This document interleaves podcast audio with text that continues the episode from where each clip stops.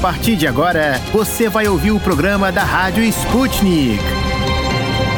Saudações, caros ouvintes! O programa desta quarta-feira, 5 de janeiro, está começando. E para levar muita informação bacana para vocês, eu, Pablo Rodrigues e minha colega Luísa Ramos vamos comandar a programação. Olá, estimados ouvintes! É um prazer estar mais um dia com vocês. Eu da França, o Pablo da Rússia e vocês dos quatro cantos do mundo. Então eu sugiro dar início com um giro por esse mundão para ficar por dentro das mais importantes novidades. Por exemplo, no Brasil, o presidente Jair Bolsonaro teve a sonda nasogástrica retirada, que é um tubo colocado do nariz ao estômago para alimentar o paciente. Bolsonaro segue internado em São Paulo desde a madrugada de segunda-feira, dia 3. Mesmo mostrando sinais de recuperação, não há previsão de alta. A obstrução intestinal que levou à internação de Bolsonaro às pressas se desfez e os médicos que estão acompanhando o quadro do presidente descartam a necessidade de mais uma cirurgia. Desde a facada recebida na época da campanha eleitoral de 2018, Bolsonaro já foi submetido a quatro cirurgias, caros ouvintes. Partindo para a Austrália, uma tenista russa que participaria de uma competição no país foi proibida de entrar, mesmo a atleta já tendo sido vacinada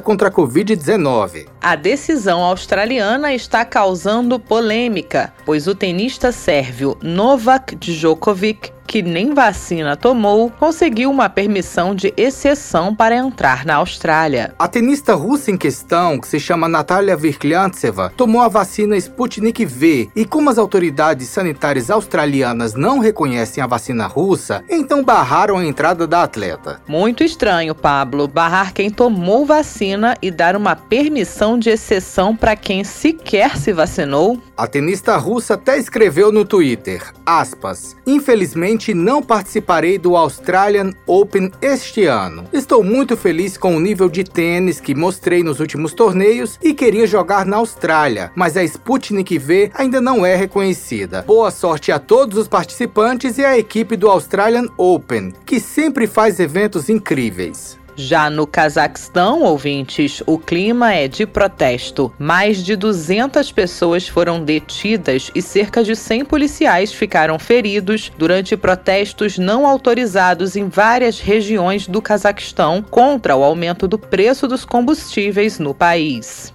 Os protestos ganharam tanta força que na manhã desta quarta-feira, dia 5, o presidente kazakh, o Kassim Jomart Tokayev, teve uma reunião sobre a situação socioeconômica no Cazaquistão e durante o encontro, queridos ouvintes, o primeiro-ministro Askar Mamin pediu renúncia que foi aceita pelo chefe de Estado. O presidente kazakh afirmou ainda que o governo é especialmente culpado por permitir que a subida do preço do gás liquefeito desencadeasse manifestações. Bom, queridos ouvintes, nas redes sociais estão inclusive circulando vídeos de pré prédios administrativos espalhados pelo Cazaquistão sendo queimados pelos protestantes. A situação não parece estar perto da estabilização. E aí, ouvintes, vamos conferir o que preparamos para vocês no programa desta quarta-feira, 5 de janeiro? E no programa de hoje.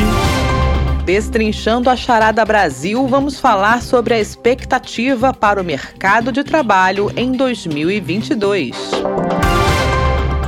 No Esqueceram de Mim em Portugal, quantidade de estrangeiros aumenta na terrinha e volta a números pré-pandemia. No Bombando no YouTube de hoje, tem até dicas da vovó para curar machucados. No Destrinchando a Charada Internacional, vamos entender por que as disputas territoriais latino-americanas são pouco faladas na seara internacional. O Hora do Problema vai saber o que, que o estudante de russo, Leonardo Augusto Silva, precisou para entrar de vez nesse idioma sem nem sair do Brasil. Destrinchando a charada. De dentro e fora do Brasil. Política, economia, sociedade e tudo que engloba o maior país da América Latina. As charadas mais complicadas do Brasil são destrinchadas aqui Queridos ouvintes, no Destrinchando a Charada Brasil desta quarta-feira, dia 5, vamos falar sobre o mercado de trabalho em 2022 no Brasil. Após um ano muito difícil com o crescimento da informalidade e alto índice de desemprego, o tema é importante para muita gente. Sem dúvida, Pablo. Após atingir patamar recorde de 14,7% em 2021, o desemprego começou a cair na segunda metade do ano, chegando a 12,1% no trimestre encerrado em outubro, uma queda de 1,6 ponto percentual em relação ao trimestre anterior. Apesar dessa queda, o número de desempregados ainda é grande: 12 milhões e 900 mil brasileiros. Os dados são do Instituto Brasileiro de Geografia e Estatística, o IBGE. Agrega-se a esse quadro a queda no rendimento real do trabalhador, que está atualmente em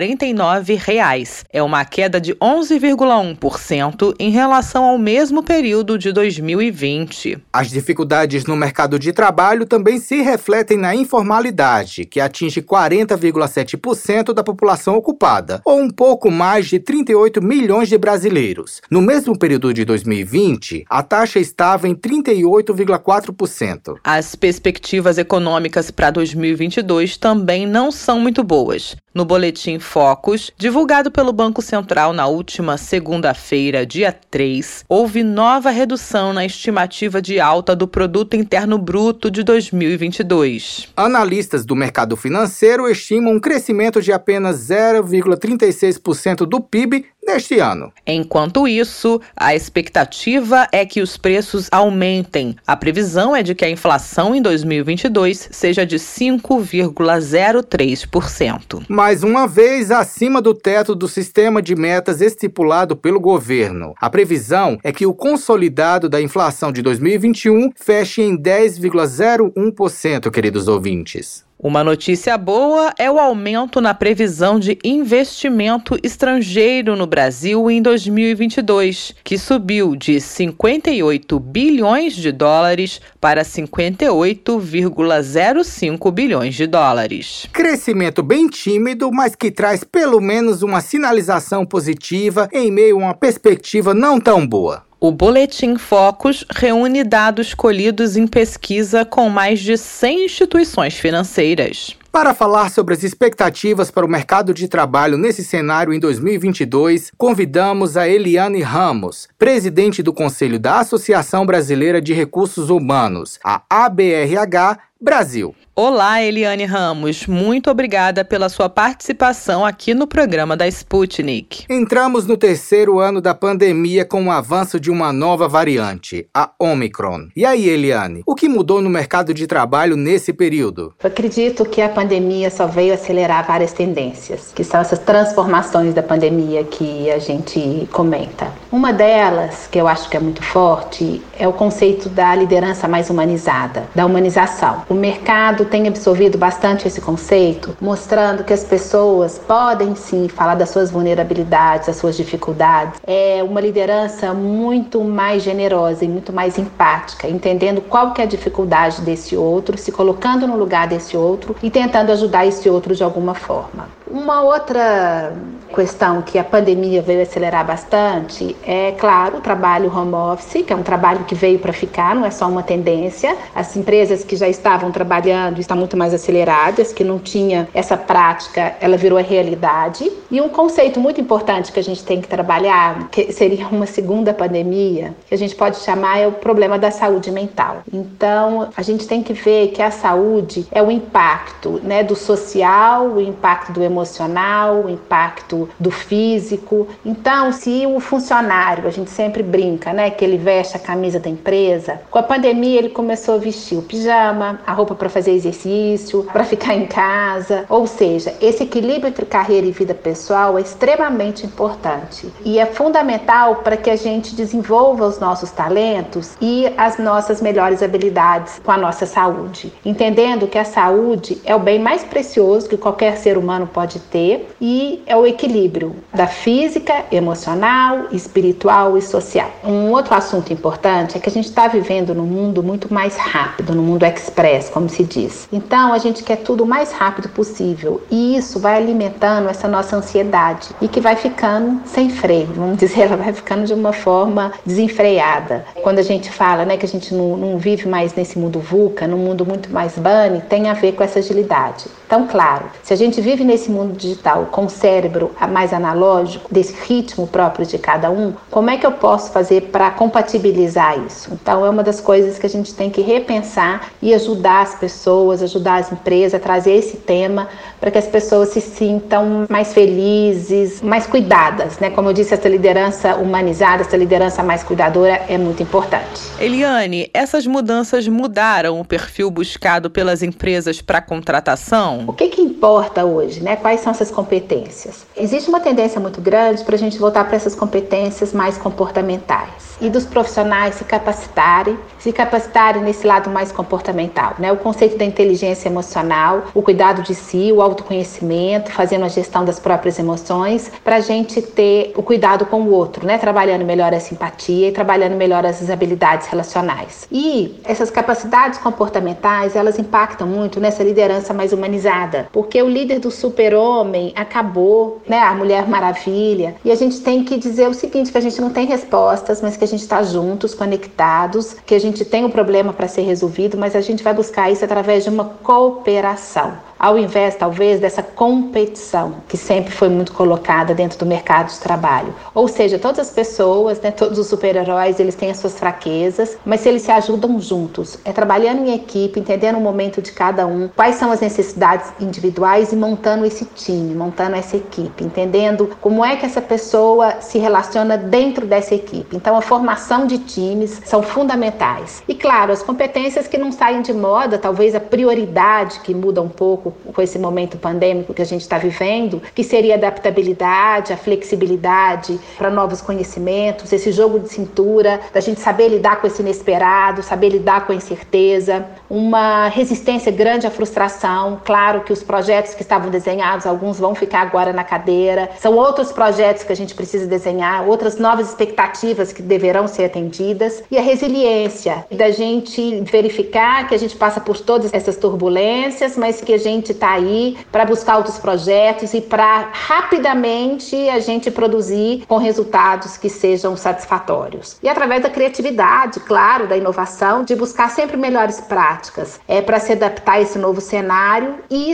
trabalhando sempre essa empatia, essa liderança mais empática, de entendendo, não só se colocando no lugar do outro, mas entendendo qual que é essa dor do outro, quais são as necessidades e que tipo de ambiente que eu devo fazer para que essa pessoa também se sinta mais feliz, mais motivada. Uma uma das grandes mudanças na pandemia foi o home office, né, ou trabalho remoto. Muitos funcionários tiveram que se adaptar para trabalhar de casa como medida de prevenção. E muitas dessas vagas em home office foram efetivadas e não devem voltar a ser presencial, como você bem colocou. Isso ampliou o mercado de trabalho para os profissionais? A tendência do home office, eu acho que ele deixa de ser uma tendência, ele já virou uma realidade mostrando que não existem mais fronteiras, que não existem mais fronteiras para esse profissional. Ele pode estar aqui no Brasil, ele pode trabalhar numa empresa na China, numa empresa nos Estados Unidos ou vice-versa. E o que, que mostra isso, que essa tendência do home office? Essa diminuição do comando e controle. Claro, algumas empresas vão continuar a cultura delas como uma indústria, é uma empresa mais de comando e controle e não dá para fazer o home office, claro. Mas os cargos que permitem, as profissões que permitem, a gente diminui esse comando e controle para uma era mais da confiança, da autorresponsabilidade, ou seja, eu preciso tomar as decisões, eu preciso me responsabilizar pelos meus atos. E um aspecto importante que a gente tem que sempre avaliar no home office são os tipos de perfis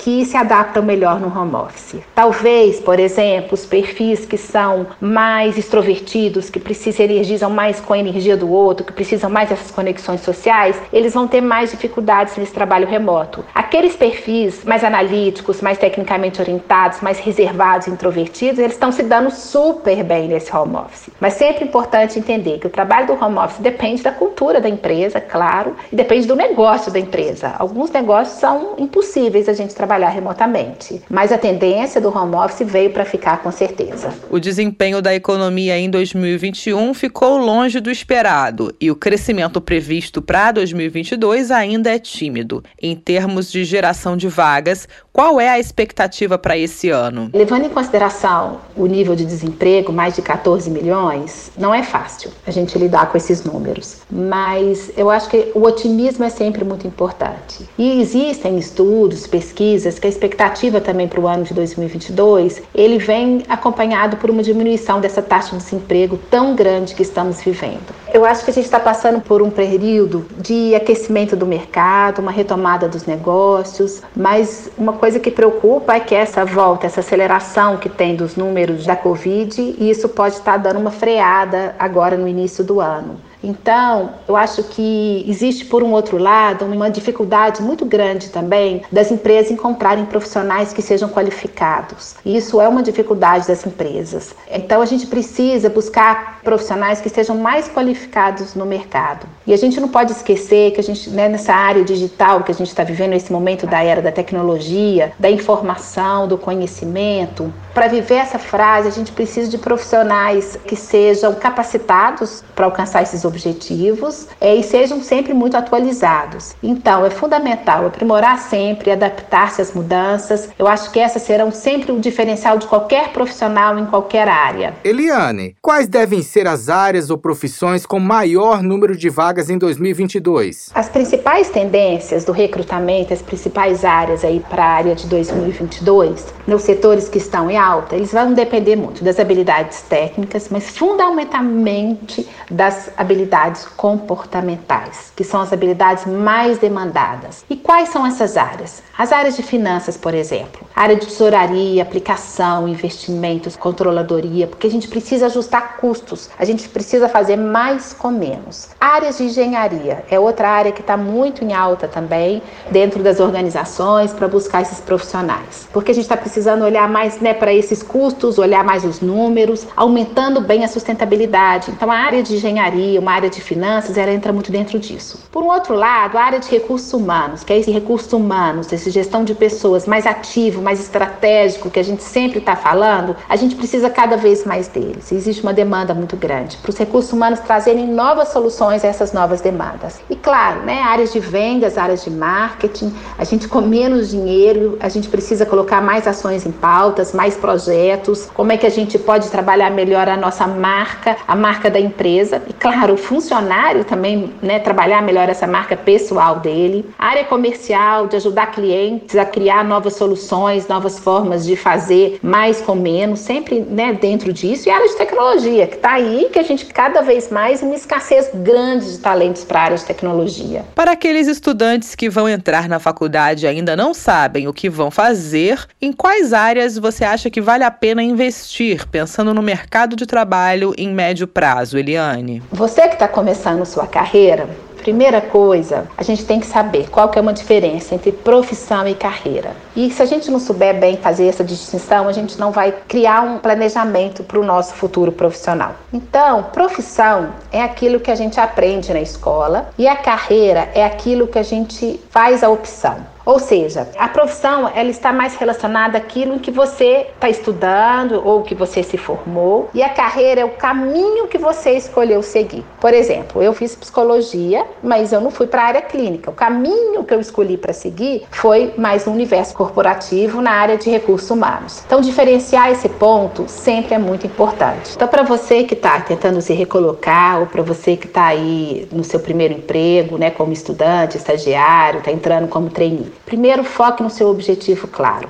Faça um bom networking. As pessoas, veja as pessoas que podem te ajudar a abrir as portas. Pense nos seus professores, as pessoas, seus colegas, amigos. Use bem as redes sociais, uma coerência muito grande entre todas as redes, focando muito nas redes né, que estão mais ligadas ao trabalho. Use bem os sites de busca de empregos, eles vão te ajudar a abrir portas, a você encontrar as empresas também. Elabore um bom currículo. É um currículo objetivo, claro, focando naquilo que realmente você quer. Com o português claro, português correto, super importante.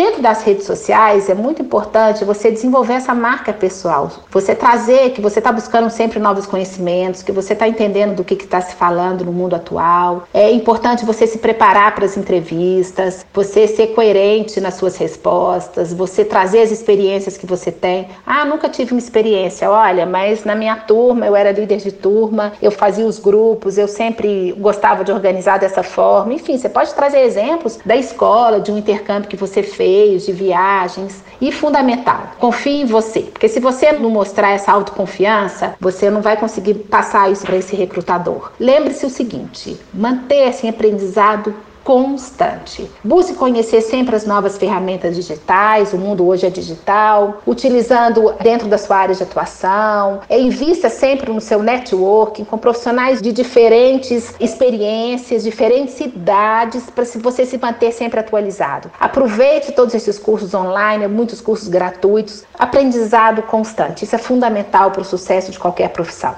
De uma forma geral, Eliane, quais são as habilidades ou formações complementares mais buscadas pelos recrutadores atualmente? Grande desafio dos profissionais é da gente focar nesse aprendizado constante, de você buscar sempre novos conhecimentos. Então, a gente está focando muito nas habilidades comportamentais. Essas habilidades que você precisa ter, como empatia, resiliência, adaptabilidade, essa flexibilidade. Várias empresas afirmam que no próximo ano vão ter dificuldade de buscar essas pessoas qualificadas no mercado. Então, foque sempre nessa área de tecnologia, na informação de novos conhecimentos, e aprimorar-se sempre, adaptar-se às mudanças, verificar as mudanças que estão sempre acontecendo na sua área e nas outras áreas. E focando no seu principal objetivo, buscando informações, buscando novos conhecimentos para que você se atualize sempre. Eliane, para finalizar, muitas pessoas estão buscando uma recolocação no mercado de trabalho. Qual o conselho que você daria para essas pessoas? Conselho sempre é difícil da gente dar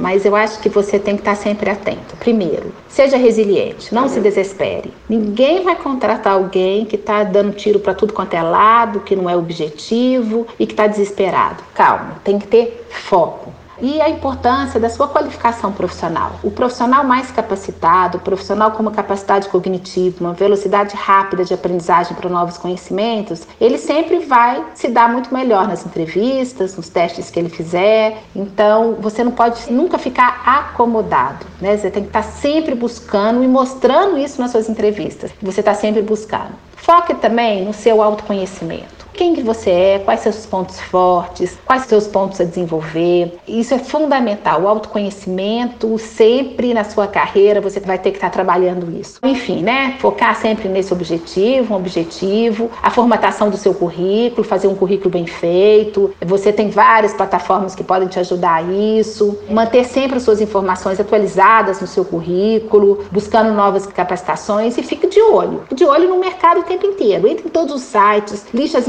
que você acha que são as empresas de sucesso que você gostaria de trabalhar, entre nesses sites de busca de recolocação e você já deve ter ouvido que a sorte é estar preparado para quando as oportunidades surgem. Faça das oportunidades, de toda crise cria sempre uma grande oportunidade. Isso eu acho que nunca vai sair de moda. Então, busque sempre estar informado, acompanhando todas as mudanças e tendências. E pelo caminho que você está buscando para você escolher essa nova carreira. É igual Alice no País das Maravilhas, ela fala: "Ah, se você não sabe para onde quer chegar, qualquer caminho serve, não pode ser. A gente tem que ter, ter esse rumo, tem que estar ligado muito a esse propósito, né? Por que, que você faz o que você faz, é, ligado aos seus sonhos, aspirações, onde você quer chegar. E lembre que cada vez mais a carreira é uma propriedade individual, a sua carreira, a sua empregabilidade. Então é uma responsabilidade sua para você planejar e gerenciá-la da melhor forma possível. Mas você deve ser esse protagonista da sua própria história, da sua própria carreira. Mas um ponto importante: não precisa caminhar sozinho. Não faça dessa jornada, desse crescimento da sua carreira, uma trilha muito solitária. Busque informações com as pessoas, opinião de profissionais mais experientes, da sua área e de outras áreas também. Hoje, esse mundo digital ele possibilita tanto. Então, e essas trocas sempre são muito valiosas. Então, compartilhe com as pessoas que você conhece, com as pessoas que você admira, né? A leitura, busque livros, busque sempre as TEDs que estão aí disponíveis,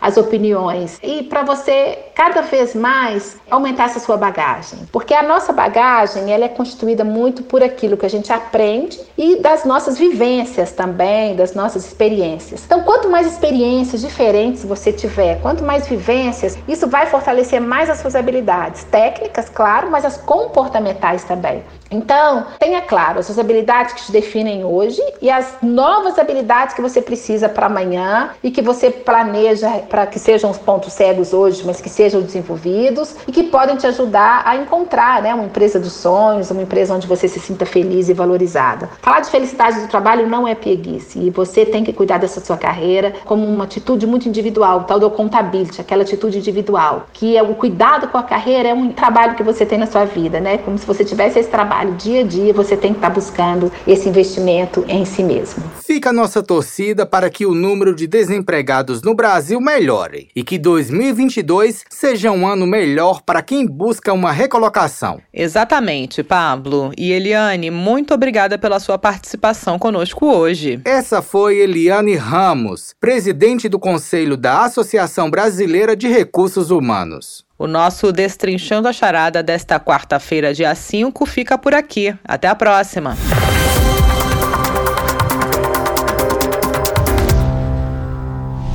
Esqueceram de mim em Portugal.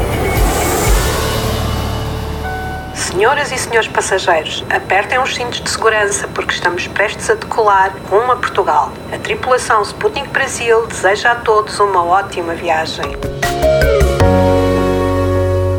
E aí, Luísa Ramos, quais são as notícias que você traz pra gente sobre Portugal hoje? Novas estatísticas divulgadas? Sim, Pablo. Os dados divulgados esta quarta-feira, dia 5, pelo Observatório das Migrações, mostra que em 2021, mais 109 mil imigrantes obtiveram a autorização de residência na terrinha. Número este que se aproxima muito do registrado antes da pandemia, em 2019, quando houve mais de 110 mil novos residentes estrangeiros em Portugal. Agora, com este aumento, o território lusitano, que conta com a população total de 10,4 milhões em 2021, segundo o censo, tem 771 mil cidadãos estrangeiros, a maior quantidade de estrangeiros no país de todos os tempos. É bastante gente de fora no país, não é mesmo, Luísa? Sim, Pablo. Segundo o Serviço de Estrangeiros e Fronteiras, o CEF, o país tem quase o dobro de imigrantes de 2015, quando eram cerca de 388 mil pessoas de fora. Justamente o ano em que os fluxos migratórios começaram a se recuperar da crise financeira de 2010. E a tendência é que as comunidades estrangeiras em Portugal continuem a crescer. Há milhares de processos agendados para regularização em Portugal. E já se sabe quantos são os brasileiros na Terrinha? Ano passado foi considerada a maior comunidade estrangeira do país, não é mesmo, Luísa? Esses números divulgados hoje, Pablo, são números provisórios e que ainda não estão atribuídos por nacionalidades de origem, mas a previsão é de que a incidência da comunidade brasileira como a principal do país continue. Dados de 2021 davam conta de que em 2020 os brasileiros representavam 27,8% do total de imigrantes, seguidos dos britânicos. E a situação de regularização no país segue caótica? Havia muitos atrasos um tempo atrás, correto? Bom, apesar de algumas alterações para facilitar procedimentos para reduzir os casos pendentes, ainda assim há muitas reclamações de demora. Só estão agendados os estrangeiros que fizeram a manifestação de interesse até junho de 2020. Só para vocês terem uma ideia do atraso. A manifestação de interesse é para aquelas pessoas que entraram em Portugal como turistas, ou seja, ou seja, não foi preciso pedir um visto no consulado português lá no Brasil e aí aí resolveram ficar em Portugal, conseguiram empregos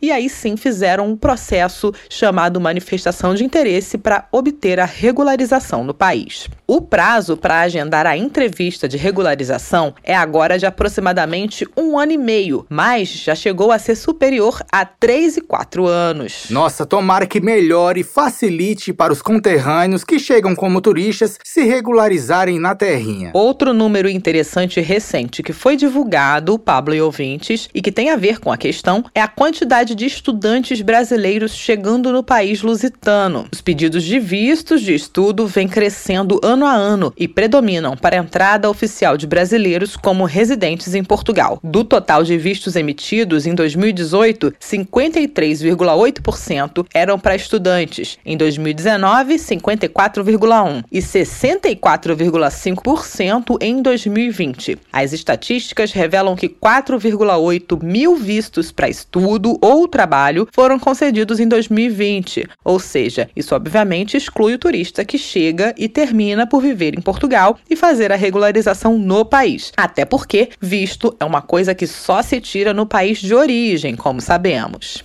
Luísa, e tem algo mais que o Observatório das Migrações tenha verificado? Sim, Pablo, teve um aumento significativo sobre os vistos de estudante emitidos no Brasil para quem quis ir estudar em Portugal. Em 2021, os vistos de estudo superaram as concessões pré-pandemia ainda em dezembro do ano passado, quando chegou a 4,1 mil vistos de estudante, contra 4 mil emitidos em 2019. Há vários relatos de casos de pessoas que conseguiram se regularizar muito mais rápido quando entraram com visto de estudos em Portugal. Por isso, fica a dica para quem pensa em migrar com mais segurança. Interessante, Lu. Vamos aguardar que daqui a pouco devem ser liberados mais dados sobre as comunidades estrangeiras na terrinha portuguesa, com certeza. Até o próximo boletim, Lu.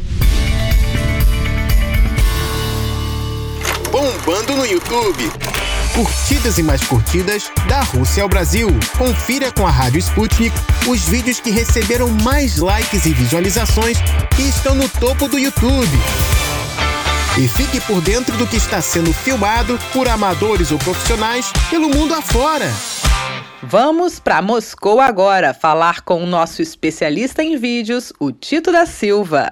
O Tito tá de volta e traz pra gente o top 5 dos vídeos mais bombados no YouTube. Conta aí, Tito. Olá, queridos amigos da Rádio Sputnik. Eu sou Tito da Silva e estes são os vídeos que estão bombando no YouTube nesta quarta-feira, dia 5 de janeiro. No topo da lista, manifestações eclodiram por várias cidades do Cazaquistão após anúncio de aumento do preço do gás no país. Cidadãos insatisfeitos não se intimidaram com o aparato policial e a presença de soldados das Forças Armadas que foram às ruas e os enfrentaram enquanto o governo declarava estado de emergência e toque de recolher na cidade de Almaty e em outras áreas. Nos enfrentamentos, militares do exército foram filmados recuando de pelo menos um grupo de manifestantes enquanto barricadas foram montadas. Para atenuar a situação, o governo anunciou medidas e o premier Askar Mami pediu renúncia do posto junto com seu gabinete. Mesmo assim, cazaques continuaram as manifestações nesta quarta. Para assistir ao vídeo, é só digitar. Multidão enfrenta exército e derruba governo no Cazaquistão após encarecimento do gás. No segundo vídeo de hoje, Colômbia e Venezuela decidiram enviar tropas para sua fronteira comum após um violento conflito entre membros da guerrilha Exército de Libertação Nacional e a dissidência das Farc ter matado 23 pessoas no final de semana na região fronteiriça.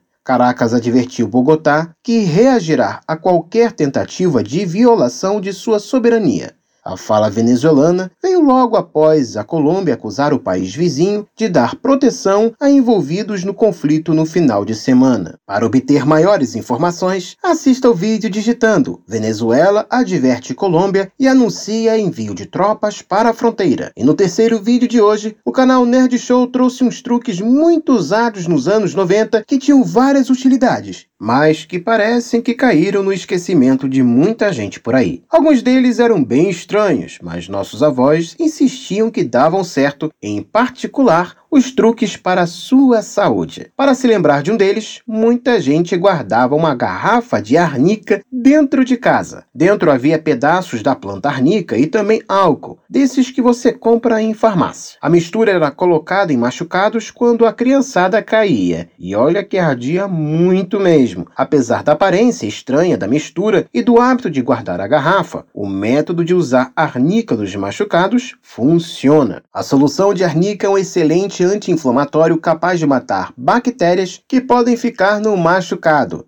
Além disso, a arnica pode ser usada para aliviar dor de hematomas e outros machucados no corpo, segundo estudos científicos mais recentes. Pois é, se sua avó te dava arnica, ela estava bem certa. E no quarto vídeo de hoje, o canal Sabe Tudo fez um vídeo dedicado à vida do príncipe herdeiro do trono da Arábia Saudita, Mohammed bin Salman Al Saud. Nascido em 1985, o príncipe é considerado o governante de fato que decide diversas questões no seu país e também comanda uma das maiores empresas do mundo, a petrolífera Saudi Aramco. Mas além de seu poder, Mohammed bin Salman também parece gostar de luxo e é visto tanto como um líder conservador, mas que também toma medidas liberais. Ainda segundo do canal, Mohammed bin Salman comprou um palácio construído recentemente e no estilo do século 17 na França, com detalhes em ouro. Será? E no quinto vídeo de hoje, o canal Plano Piloto fez uma lista de 10 costumes bem diferentes para o Natal. Por exemplo, no Japão, um país que não tem sua maioria da população cristã, muitos casais aproveitam a época tradicional do Natal para comer frango frito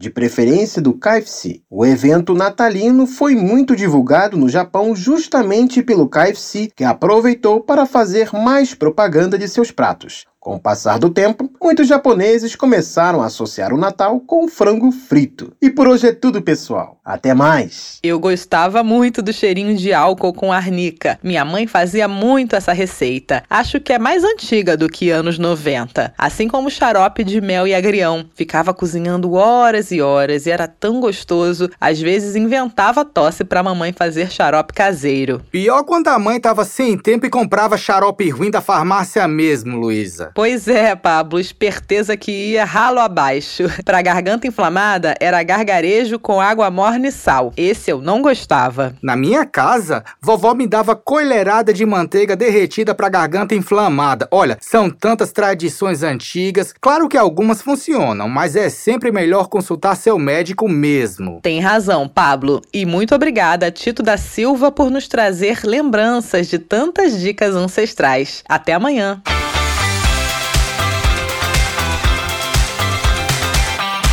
Destrinchando a Charada. Encruzilhada Internacional. Relações políticas, socioeconômicas e muito mais entre as nações deste mundão. Da Rússia aos Estados Unidos. Encontre com a gente as respostas às perguntas do momento. Estamos em pleno 2022, mas a América Latina vive ainda disputas territoriais do século passado. E é sobre isso que vamos falar hoje no Destrinchando a Charada Internacional. É verdade, Pablo. A América Latina entra o ano novo com cerca de 10 disputas territoriais abertas entre países do continente ou com nações como Reino Unido e Estados Unidos, segundo reportagem da BBC. Muitas delas surgiram após os processos de independência independência dos países envolvidos na questão de delimitação das fronteiras, mas continuam sem resolução, queridos ouvintes. Daí surgem as questões quanto aos motivos dessa demora, inclusive de casos pendentes na Corte Internacional de Justiça em Haia. Queremos entender se o impasse se dá por causa da importância estratégica das áreas disputadas ou apenas processos burocráticos da Corte Internacional de Justiça em Haia. Porém, há casos que, mesmo após uma decisão da Corte Internacional de Justiça, seguem polêmicas, principalmente durante campanhas eleitorais. Outras discussões simplesmente saíram da pauta popular e raramente são lembradas, como duas disputas territoriais latentes que ocorrem na fronteira entre o Brasil e o Uruguai. Dentre os casos mais emblemáticos, porém pouco discutido no continente latino-americano, está a questão de Esequibo, uma área compreendida entre o rio Esequibo e a divisa tradicional entre Guiana e Venezuela. A disputa na região remonta ainda do século XIX, quando os ingleses compraram as terras do Esequibo, que até então estavam sob domínio holandês. Vamos por isso convidar Thomas Haye, professor de Relações Internacionais da Universidade Federal Fluminense e do Instituto de Estudos Estratégicos e especialista em questões de defesa e segurança da América do Sul. Seja bem-vindo ao programa da Sputnik, professor Haye. Bom, professor, na América Latina, quais são os principais casos ativos no momento e por que são tão pouco falados? Dos casos pendentes na Corte Internacional de Justiça, é o principal caso de uma perspectiva brasileira seria o caso da região do Esequibo, disputado pela Guiana e Venezuela. E a razão para isso é muito simples: é que ambos países são fronteiriços com o Brasil. Independente da questão na Comissão Internacional de Justiça, o Brasil já se pronunciou e se manifestou em relação a essa questão em diversas ocasiões, inclusive impedindo que a Venezuela recorresse ao uso da força militar para anexar a região em litígio. Mas as demais disputas territoriais são, na maioria, herdeiras dos processos de independência dos países da região e, na verdade, não estão no topo das prioridades da agenda estratégica desses países. Ou seja, tem contenciosos? Tem, mas elas não são as questões mais importantes. Os cerca de 160 quilômetros quadrados da região do Esequibo costumam aparecer nos mapas venezuelanos como área sob reivindicação Nesse conflito territorial, a Venezuela já contou no passado com o apoio dos Estados Unidos. Professor, quais disputas territoriais atuais envolvem o Brasil e como o Ministério das Relações Exteriores tem lidado com elas? Bom, a única disputa territorial, se é que se pode ser chamado de uma disputa territorial, na verdade, é um não consenso territorial, é a disputa em relação ao rincão das Artigas entre o Brasil e o Uruguai. E como é que o Ministério das Relações Exteriores tem lidado com essa questão? Bom, dando muito pouca importância para ela. Na verdade, não é uma questão muito importante para o país nem para o Uruguai. Todavia, nenhuma das partes vai abrir mão desse território. No entanto, nenhum dos países envolvidos também quer investir capital político para tentar solucionar essa questão. Então não é uma questão de grande prioridade entre os países. O Rincão de Artigas, que o professor Raia menciona, é um território de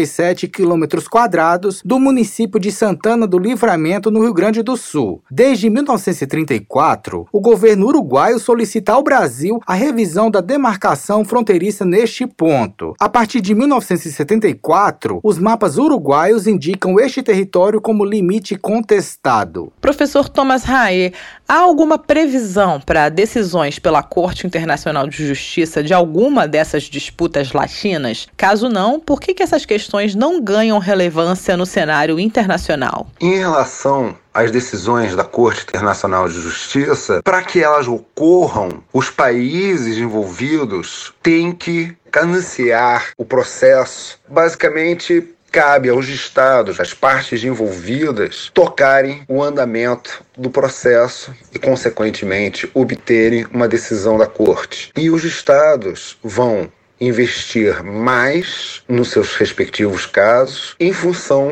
dos seus interesses ou aquilo que é percebido como sendo prioritário para esses países. Em termos gerais, para a comunidade internacional, as disputas territoriais na América do Sul não são dramáticas ou graves o suficientes ao lado de outros que podem assumir até proporções dramáticas. Pois é, algumas dessas disputas nem chegam a ser levadas à corte, como é o caso do desacordo entre Argentina e Chile sobre a passagem de Drake e o mais conhecido caso das Ilhas Malvinas ou Falklands, que estremece relações entre Argentina e Reino Unido. Sobre as Ilhas Malvinas, qual é o principal impasse, professor? A população local é considerada na questão? Em relação às Ilhas Malvinas, que em termos gerais na América do Sul nós não reconhecemos diplomaticamente a soberania da Inglaterra sobre as ilhas Falklands, mas sim da Argentina sobre as Malvinas, é um exemplo simplesmente dos escombros de uma antiga potência imperialista. As Malvinas têm pouca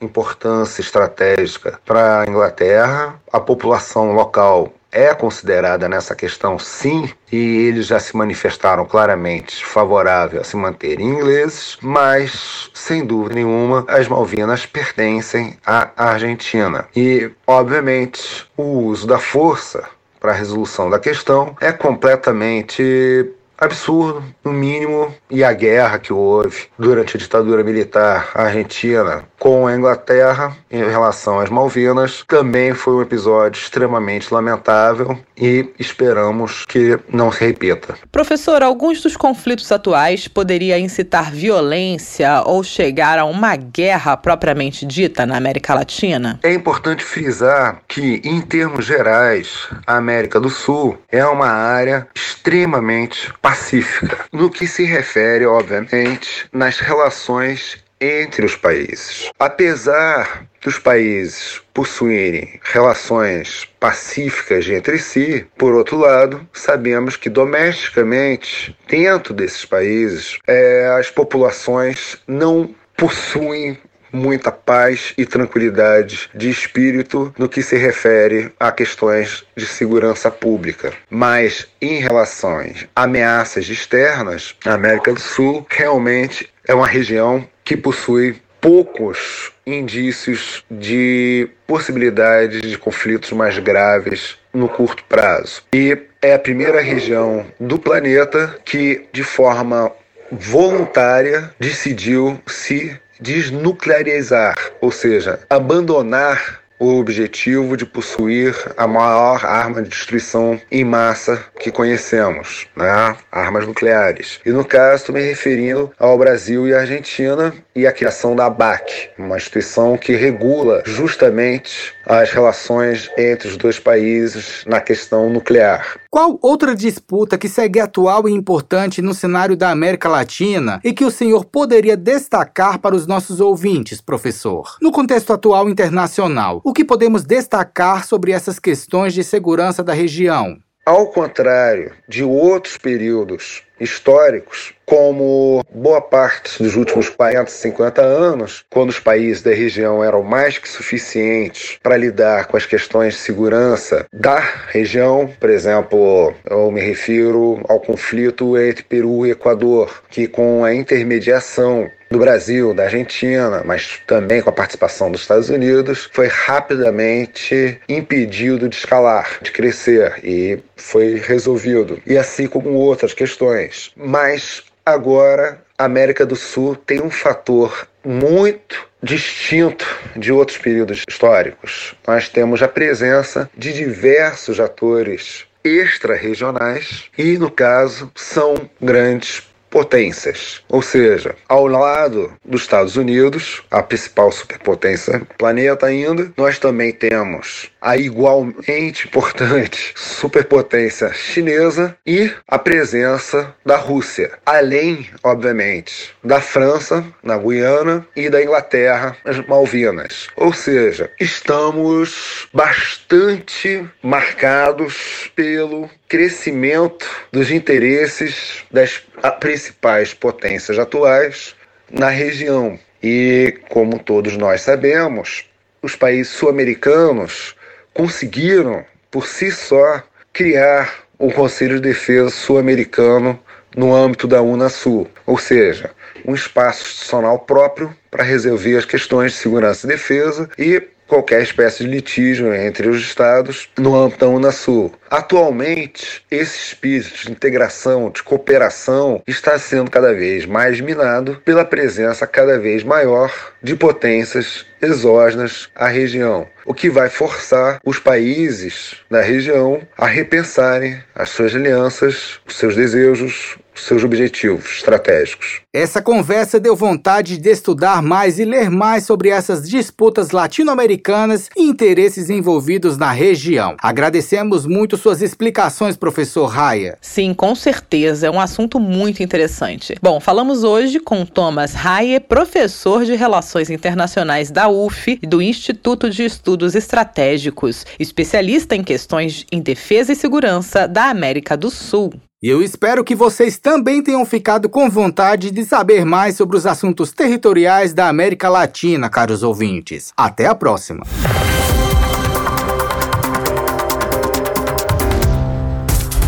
fora do problema. Sabe aquela história que é melhor nem contar de tão complicada que é? Perrengue na Rússia, sufoco no Brasil e muito mais. Sente aí que lá vem história.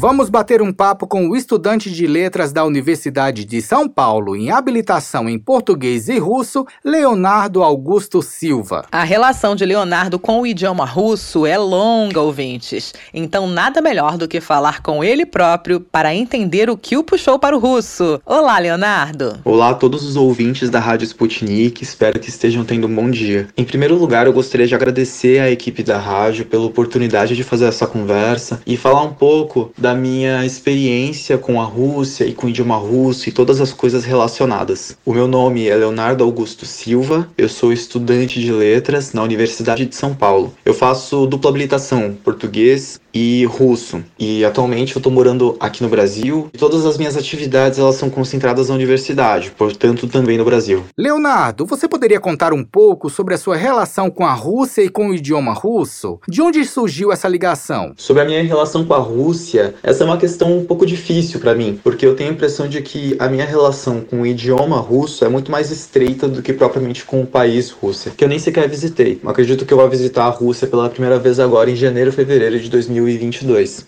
Mas, enfim, meu primeiro contato com o russo faz bastante tempo, na verdade. Eu tenho uma tia que desde muito tempo ela se relacionou com as pessoas, ela teve amizade com as pessoas, com os imigrantes do leste europeu que vieram aqui para São Paulo e moravam naquela região da Vila Zelina, na, na zona leste, zona sul de São Paulo. E ela sempre teve esses amigos da Lituânia, Ucrânia e os, os, países próximos. Ela chegou a ser casada com um cigano e esses ciganos que moravam naquela região também todos falavam em russo. Então as minhas primeiras palavras russas, elas assim apareceram um tanto cedo assim na minha vida, mas eu não tinha particularmente maturidade para conseguir aprender de fato o idioma. Também porque esse marido da minha tia, que era o cigano, ele faleceu quando eu era bem novo, então não pude ter uma conversa com ele sobre essas coisas, sobre aprender russo e todas essas coisas. Foi uma coisa que apareceu bem depois. A Vila Zelina, caros ouvintes, é o bairro mais russo de São Paulo. Esse bairro também é conhecido como leste europeu paulistano. Russos, croatas, búlgaros, lituanos e outros emigrantes do leste europeu começaram a chegar à região em 1927, quando Carlos Korkiska, um imigrante russo vendeu lotes na zona paulistana. E o ponto era estratégico. Era próximo da antiga hospedaria dos imigrantes, onde hoje fica o Museu da Imigração, e da Paróquia da Santíssima Trindade, uma das primeiras igrejas ortodoxas russas de São Paulo.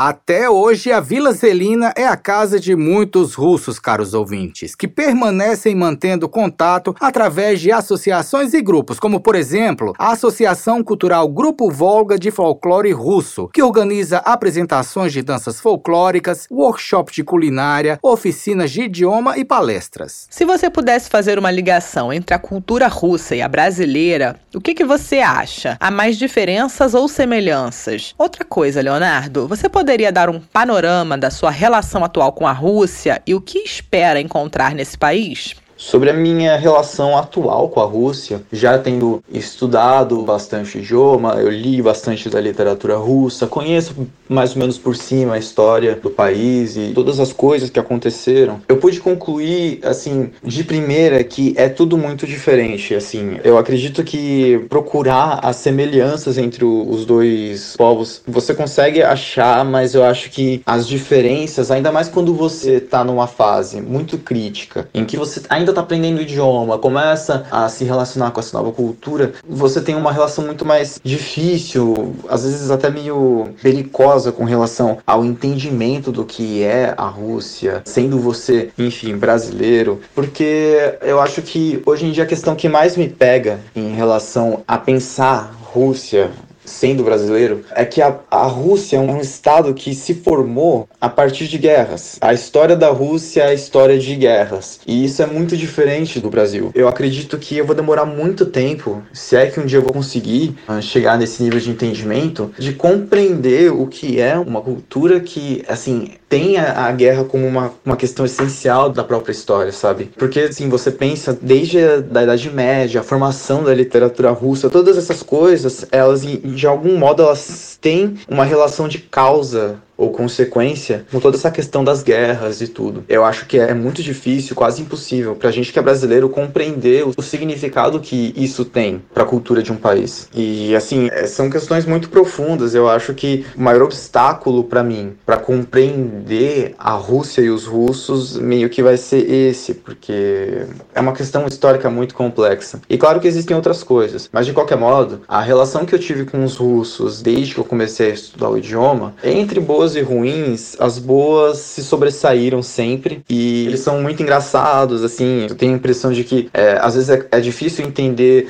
um, certas nuances assim do humor deles, mas é, via de regra sempre foram experiências muito boas. Eu acredito que na condição de alguém que ainda não foi, não visitou o país não esteve em meio aos russos, eu tenho a expectativa de que talvez eu consiga me sobressair bem, eu consiga fazer amigos lá, me relacionar de fato com os russos, viver entre eles de verdade. E é isso. Léo, quando você começou a estudar o idioma russo, me diz uma coisa. No começo foi complicado? A minha primeira tentativa real de aprender russo foi com uns 14 anos. Eu aprendi as primeiras letras, as coisas elementares, mas eu acabei parando no caso prepositivo, porque eu sinto que assim, hoje em dia eu tenho a leitura de que na época eu não tinha exatamente maturidade suficiente para compreender o sistema de declinações, que é uma questão difícil e acaba te perseguindo assim todo o processo do aprendizado, inevitavelmente. Por mais desenvoltura que você consiga para raciocinar todos os casos e tudo, quando você vai colocar tudo em prática prática surgem dificuldades, surgem formas estranhas. E com 14 anos eu acho que eu não estava preparado para esse nível de complexidade, assim, tendo em vista, né, a bagagem linguística que eu tinha na época, falando só português e inglês. Sendo que o inglês eu nem sabia tão bem assim naquela época. Então, com uns 17 anos, eu dei uma retomada, mas foi uma coisa muito rápida. Eu acredito que nessa época eu acho que eu comprei um livro, aquele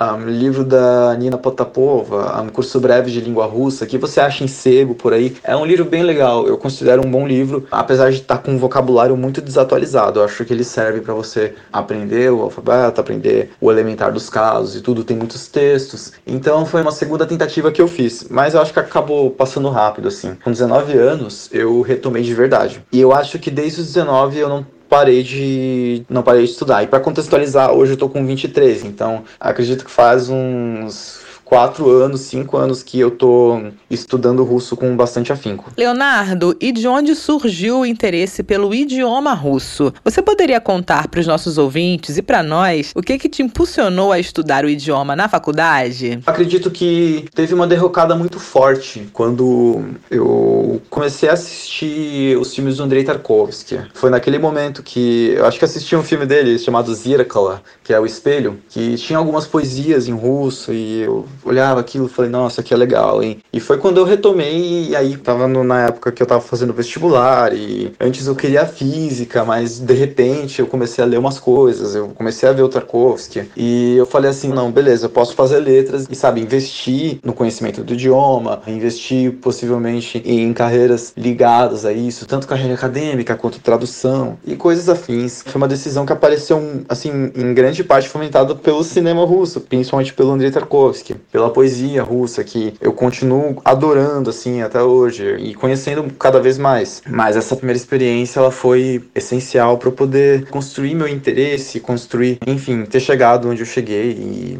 continuar investindo no meu futuro, tendo uma relação bastante próxima com o idioma russo. Olhem só, ouvintes, o diretor russo Andrei Tarkovsky dando aquele empurrãozinho no Leonardo para se dedicar com unhas e dentes ao idioma russo. Leonardo, muito obrigado obrigado por contar um pouco da sua relação com a Rússia e com o idioma russo. E esperamos te receber em breve aqui na Rádio Sputnik para saber mais sobre você e sobre a sua viagem à Rússia, não é mesmo? Abraços. Bom, ficamos por aqui. Muito obrigado pelas perguntas, pela oportunidade de falar um pouco para os ouvintes da rádio. Espero, na medida do possível, ter esclarecido algumas coisas ou ter falado sobre assuntos interessantes, que essa conversa de alguma forma tenha sido edificante para quem esteja ouvindo. Muito obrigado de novo e pra cá.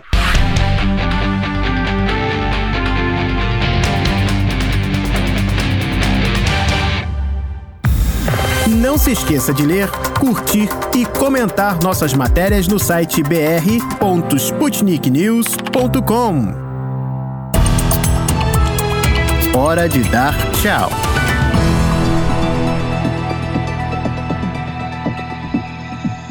E o programa desta quarta-feira, 5 de janeiro, está chegando ao fim, estimados ouvintes. Mas não se preocupem não, pois amanhã estamos de volta. Além das entrevistas, das novidades sobre Portugal e Europa e do ranking dos melhores vídeos do YouTube, o programa de amanhã vai ser recheado com muita música rara brasileira. Então não dá para perder, hein, pessoal? Verdade, Luísa. Bem, queridos ouvintes, desejamos um ótimo fim de quarta-feira para todos vocês. Um abraço. O programa da Rádio Sputnik de hoje teve apresentação, produção e edição minhas, Luísa Ramos, e do Pablo Rodrigues, produção de conteúdos e edição de texto de Everton Maia e Tito da Silva. A edição e a montagem do programa são do Wellington Vieira e do David Costa. O editor-chefe da redação da Sputnik Brasil no Rio de Janeiro é Renan Lúcio e em Moscou, Konstantin Kuznetsov. Você acabou de ouvir mais um programa da Rádio Sputnik.